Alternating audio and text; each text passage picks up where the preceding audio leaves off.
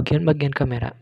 Bagian kamera DSLR biasanya berupa tiga bagian komponen. Yang pertama ada bodi kamera, kedua lensa, dan juga ketiga tombol kamera. Bodi lensa kamera merupakan pusat dari sistem kamera digital atau bisa dibilang wadah dari komponen-komponen sensitif dari kamera.